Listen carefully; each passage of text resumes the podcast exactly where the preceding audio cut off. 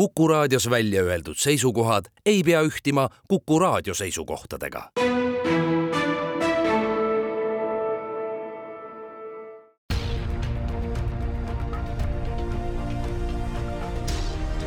uue samba taga. sammaste taha aitab vaadata sajaaastane eestikeelne rahvusülikool tere kuulama saadet, mis räägib digitaalsest hemiosfäärist ning kaasprofessor Maarja Ojamaa on tulnud ülikoolist mikrofoni ette teda usutlemas Madis Ligi. mis on semiosfäär? semiosfäär on semioosi ehk siis tähendusloome sfäär või ruum. see on siis äh, keskkond, äh, mitte küll füüsiline keskkond, vaid abstraktne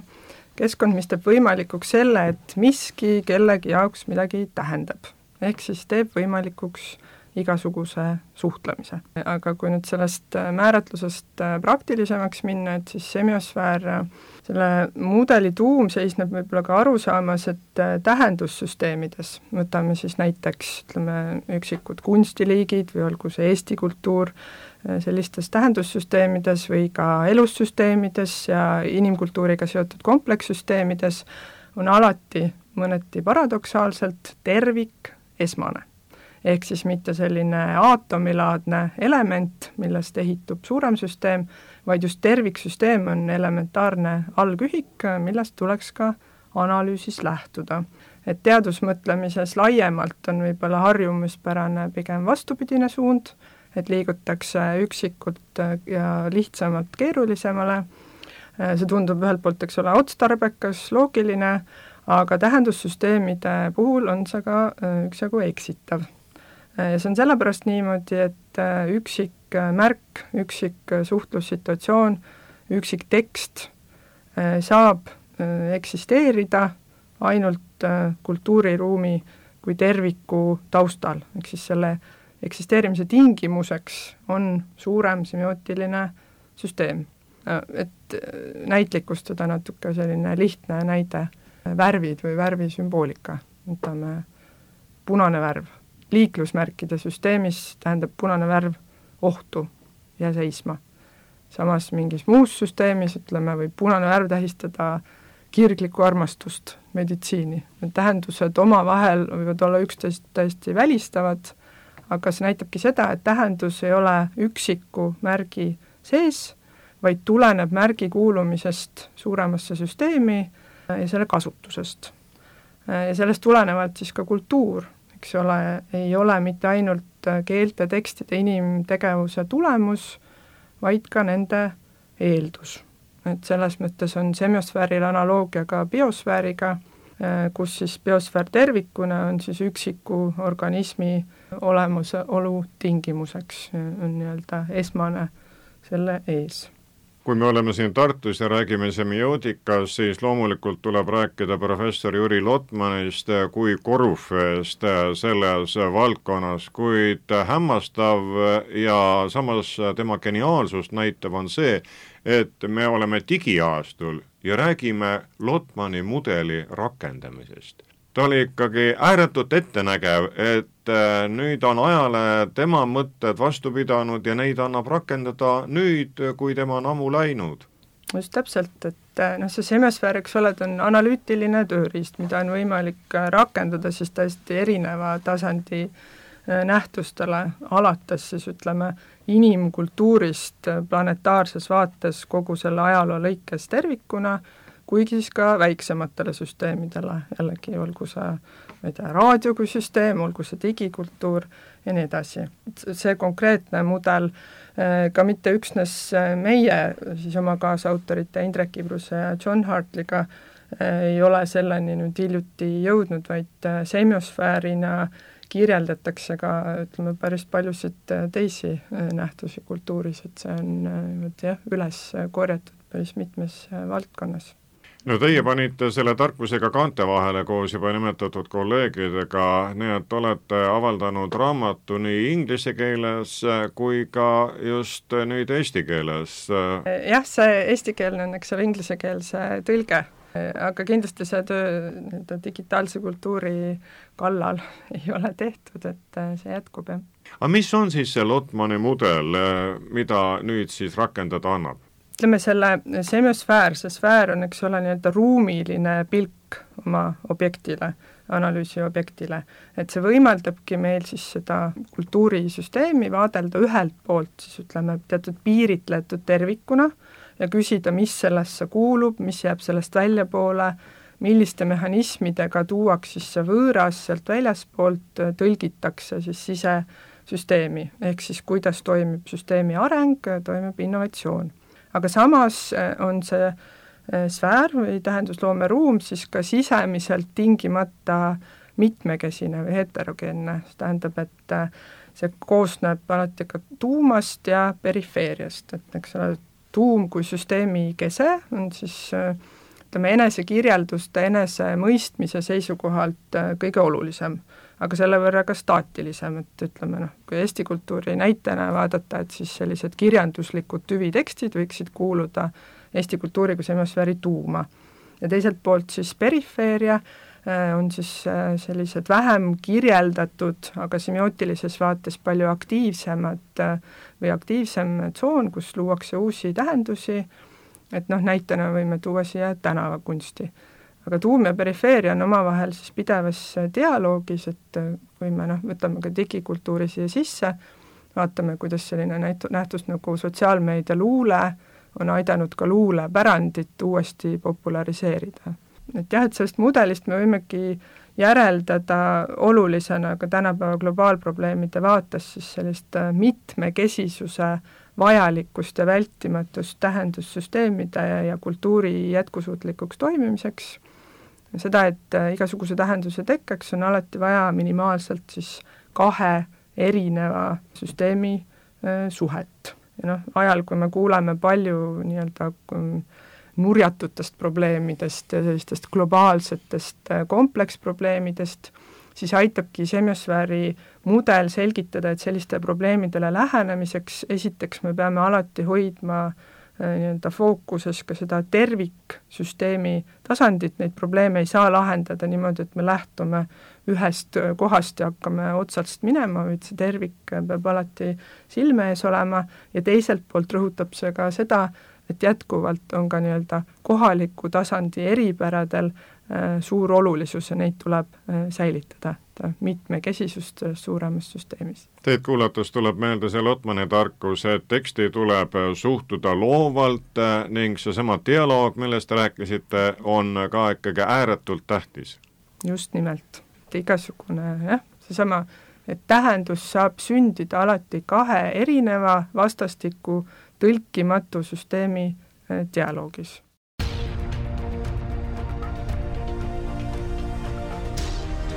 uue samba taga. sammaste taha aitab vaadata sajaaastane eestikeelne rahvusülikool Marjamaa, kuid äh, kui me vaatame neid ringe praeguses maailmas, kus seda informatsiooni on tohutult palju, kas äh, siis seda Lotmani mudelit annab ikka jälle rakendada, me ei pea kuidagi teda nagu mugandama, vaid äh, ta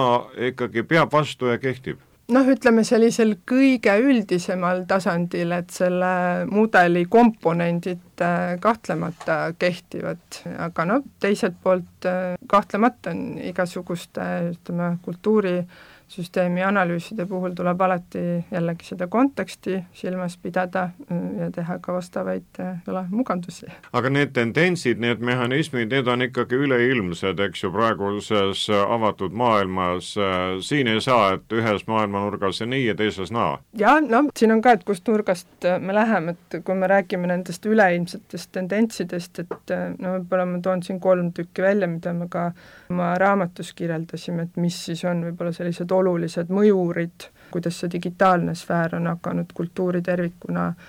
mõjutama. esiteks, eks ole, see tõesti üleilmne veebi ühendatud seadmete kättesaadavus. et nii-öelda tavalisel inimesel, nagu meie teiega, on võimalik reaalajas äh, olla kontaktis toimuvaga teisel pool maakera ja selles nii-öelda osaleda, vaadata Lõuna-Ameerikas filmitavat live-videot ja seda kommenteerida. et selline pikaajaline kujutelm inimkonnast kui võib-olla erinevate rahvuskultuuride lapitekist, et see on mõneti kujunemas ümber, et me üha rohkem märkame mitte ainult nende nii-öelda lappide erinevusi, vaid ka siis nii-öelda neid lõimesid, mis neid ühendavad et seda globaalset meiet tajutakse üha selgemalt, akuutsemalt, et ja selle on teinud võimalikuks just digitaalne tehnoloogia, et võib-olla varasemalt, kui meiena kirjeldati, et need süsteemid, mis pakkusid võimalust kirjeldada inimkonda laiemalt või nii-öelda rahvuskultuuri üleseid kokkukuuluvusi, olid noh, ütleme meie kristlased või meie töölisrahvas, need ületasid küll rahvuse piire, aga samas ikkagi olid mõnes mõttes, jätsid välja, teatud inimesed kuulusid sinna, teatud inimesed mitte. aga praegu inimkonna kui ühe liigina tajumine, see, et me saame aru, kuidas meie siin mõjutame võib-olla Vaikse ookeani saare rannikurahva elutingimusi, et selle aktuaalsus on ikkagi võimaldatud just digitaalse kommunikatsiooni tehnoloogia poolt, et selline Greta Thunbergi fenomen, sotsiaalmeedia aktivism on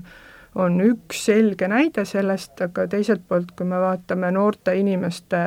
identiteetide kujunemist kohaliku ja üleilmse kultuuri vastastikmõjus, et ent see on samuti küllalt ilmne. Et siis jah, selline globaalse meie kujunemine ühelt poolt, teiseks see viis, kuidas digitaalne kultuur jätab jälgi ja mida nende jälgedega on võimalik teha ja, ja juba tehakse, et kui me vaatame noh, soovitusalgoritme näiteks suurtel platvormidel, mille kaudu me kultuurile ligi pääseme, Spotify, Youtube, ka TikTok, Instagram, et nendes toimivad, eks ole, soovitusalgoritmid, mis väga selgelt äh, kujundavad inimeste sellist kultuurilist menüüd ja miljööd et need tuginevadki andmetele, jälgedele sellest, mida ma võib-olla siis äh, varasemalt äh, olen vaadanud, millises järjekorras, kui pikalt, äh, millisel ajal. Ja siis pannakse see kokku, eks ole, teiste kasutajate harjumustega, kes mingis nii-öelda profiililt on siis meiega mingis tahus sarnased et paljuski ka selline professionaalne inimeste poolt loodud kultuurikriitika on asendumas ka sellise andmepõhise algoritmilise kureerimisega. ja noh, privaatsuse küsimused, kõik see on siia kõrvale. ja, ja kolmandaks siis äh, selline masinate või tehnoloogia agentsus või roll üleüldiselt, et äh, vaatame, kuidas tänast inimest siis vormitakse biosfääri, semiosfääri ja ütleme, tehnosfääri või tehnoloogia koosmõjus et äh, siis äh,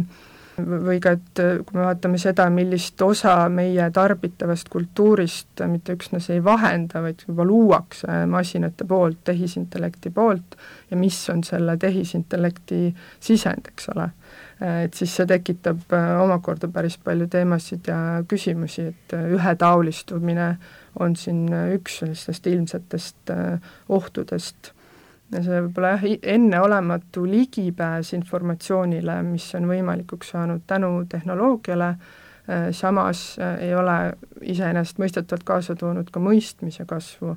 et see küsimus, kas ja, või kas üldse ja kuidas on võimalik tehnoloogiat siis kasutada selleks, et sellest äh, informatsiooniplahvatusest saaks ka teadmusplahvatus, et need küsimused on kõik veel tegelikult lahendamata. samal ajal on ju räägitud palju ka sellest, et see informatsioon nii-öelda pihustub, mhm. mis omakorda nõuab jällegi tarkust, et sa ei lähe seda suunatud rada, vaid äh, suudad juurelda ja tead juurelda, et äh, mis on õige, mis on vale. just täpselt, kuigi noh, see, mis asi on õige tee, eks ole, et see on ka selline semiosfäärilise mudeli üks oluline, üks määratlus, et semiosfäär on paljude tõdede äh, ruum. Lotman kasutas ka mõistet stereoskoopia, ehk siis kui me vaatame erinevaid kultuuri äh, keeli, noh, olgu need siis erinevad inimkeeled või võtame ühe kultuuri sees näiteks, ma ei tea, erinevad süsteemid nagu äh, teadus, haridus, ka muusika, kultuur või teater, äh, film, et need kõik pakuvad erinevaid projektsioone ühele äh, objektile.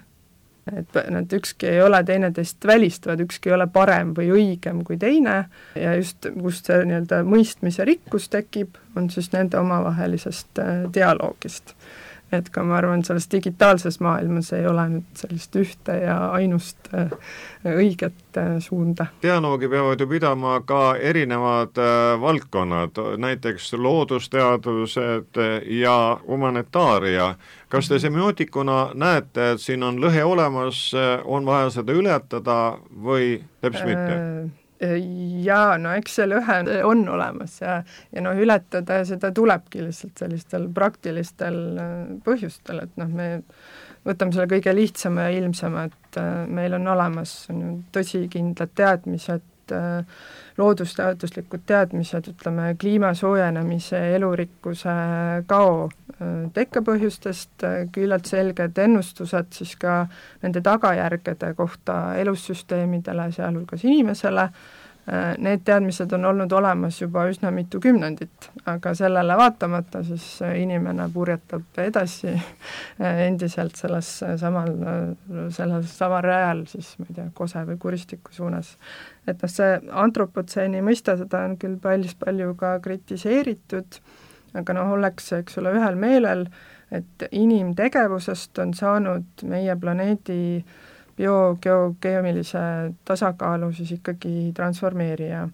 ja inimtegevus muudab maailma kliimat, muudab selle ökosüsteeme, jätab endast maha mm, setteid siis varem sünteesimata elementidest ja noh, selle pinnalt ongi üsna selge, et meil tuleks mõista loodus- ja kultuuriprotsesse lõimituna või koevolveeruvana ja ma tahakski rõhutada, et siin nüüd see nii-öelda dialoog ei saa toimida nüüd sedapidi või küsimus ei ole populariseerimises, et on selline tõeline teadus või loodusteadus,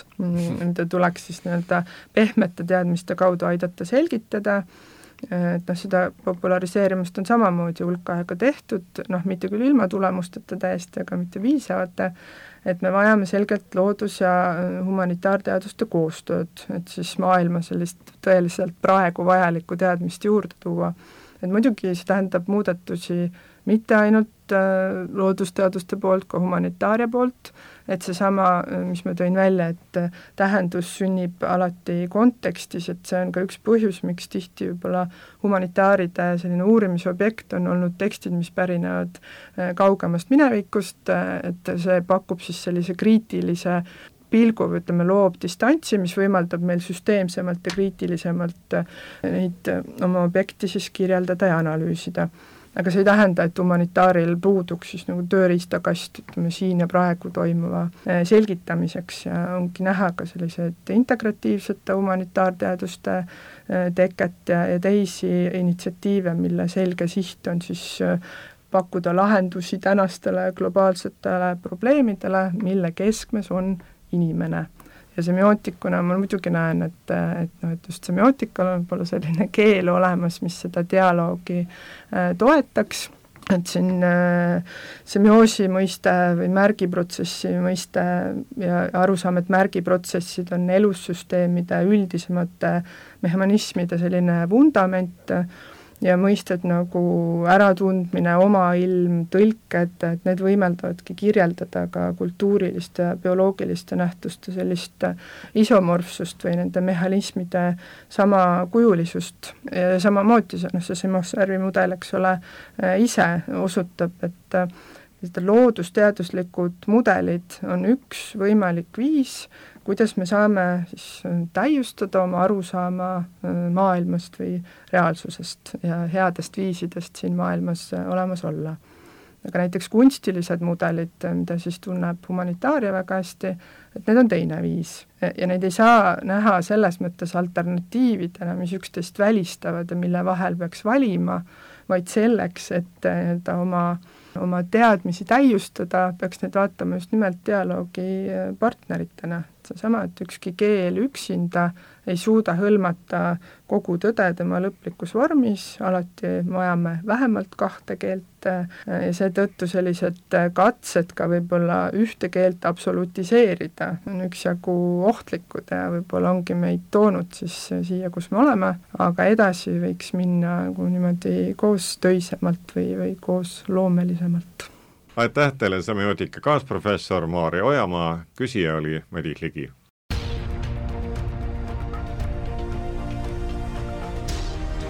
uue samba taga. Sammaste taha aitab vaadata sajaaastane eestikeelne rahvusülikool